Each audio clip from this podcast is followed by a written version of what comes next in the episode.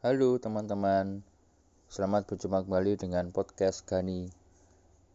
Saya sudah cukup lama tidak membuat podcast.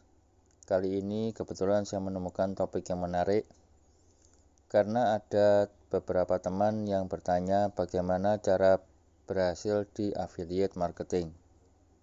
Affiliate marketing sering digembar-gemborkan sebagai profesi yang mudah, tanpa modal, tanpa stok barang, karena khususnya Anda bisa menghasilkan uang hanya dengan memasarkan produk orang lain. Dan salah satu slogan yang terkenal adalah cukup sebar link. Ini yang membuat para atlet pemula rata-rata menjadi spammer. Nggak sepenuhnya salah, tapi juga nggak sepenuhnya benar. Karena mereka nggak paham bahwa affiliate marketing itu bukan sebar link, Sebar link hanya dapat dilakukan jika mereka sudah dikenal oleh audiens mereka. Sebar link akan menghasilkan komisi jika mereka sudah memiliki database orang-orang yang tertarget yang sudah percaya pada mereka, bahkan sudah membeli produk pada si affiliate. Namun jika Anda seorang pemula, ketika Anda melakukan sebar link, yang ada hasilnya nol. Lalu bagaimana caranya? Bisnis itu ujung-ujungnya database. Artinya, jika Anda tidak punya database orang-orang yang mau membeli produk Anda, maka Anda tidak akan mendapatkan komisi. Mau affiliate produk digital maupun affiliate produk fisik, semuanya sama.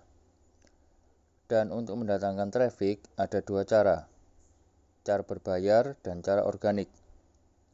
Cara berbayar itu cepat, tapi Anda harus mengeluarkan uang lebih dulu.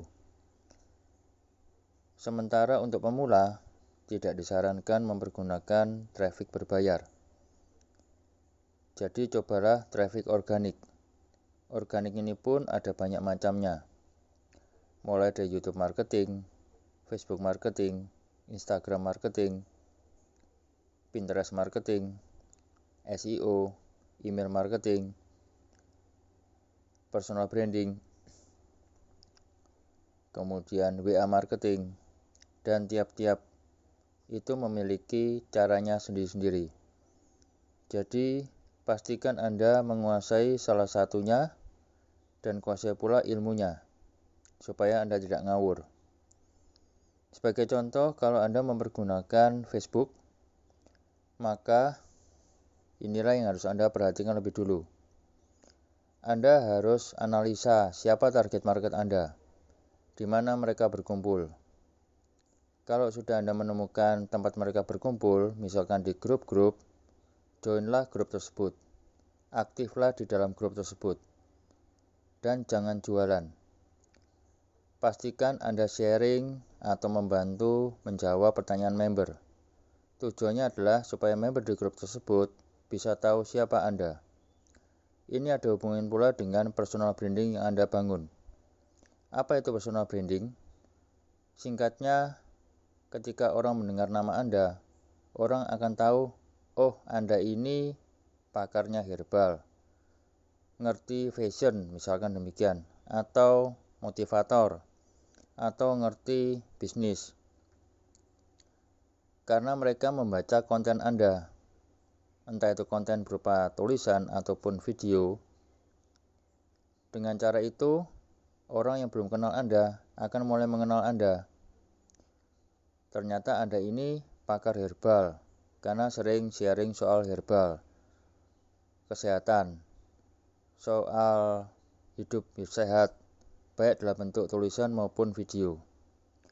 Akibatnya, ketika orang mendengar nama Anda, orang langsung tahu anda ini ngerti herbal.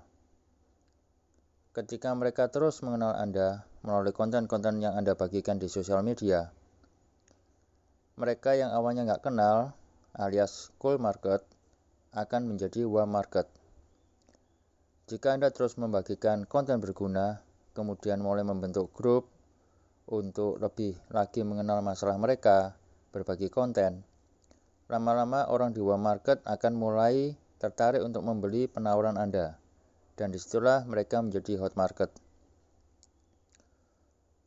Pastikan Anda memiliki kolam pembeli.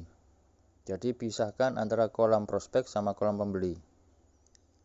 Kemudian teruslah jalin hubungan dengan mereka karena prinsip dari transaksi adalah kepercayaan. Dan kepercayaan bisa dibangun melalui konten. Jadi, jika Anda mempergunakan traffic organik, misalkan Facebook marketing, pastikan Anda punya waktu untuk berbagi konten. Karena kalau Anda tidak berbagi konten, maka orang lain yang akan melakukannya. Dan akhirnya Anda akan tenggelam dan tidak lagi diingat oleh orang. Setelah Anda memiliki database yang cukup besar, pastikan Anda mulai mengenal mereka, interaksi dengan mereka, dan jangan lupa untuk konten promosi, pastikan Anda mempelajari copywriting. Copywriting adalah ilmu wajib di dunia online. Copywriting ini bisa membuat orang yang awalnya nggak mau beli, ketika membaca tulisan Anda, tiba-tiba kebelit beli. Dan itu sudah saya terapkan dalam promosi produk affiliate, khususnya di produk Shopee. Saya bahkan jarang untuk promosi di grup-grup karena saya tahu jika di grup-grup itu kan tidak saling kenal. Otomatis bagaimana orang bisa mengenal saya. Maka yang saya lakukan adalah berbagi konten di wall saya sendiri. Kemudian saya sekali juga melakukan cerita karena memang sesuai dengan pengalaman saya. Saya memakai beberapa produk dari Shopee, kemudian saya bagikan cerita itu dan link affiliate Shopee tidak pernah saya tuliskan apa adanya. Tapi selalu saya shorten. Ini karena saya pengalaman di dunia affiliate produk digital. Dan dengan berbentuk cerita, tentunya orang lebih suka membaca. Kalau toh mereka mengklik dalam tujuh hari, jika mereka membeli sesuatu di Shopee, di Star Seller, mall atau supermarket, maka saya bisa mendapatkan komisinya.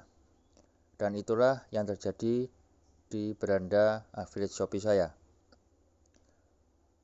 Jadi jika Anda mempergunakan traffic organik, pastikan Anda mampu berbagi konten.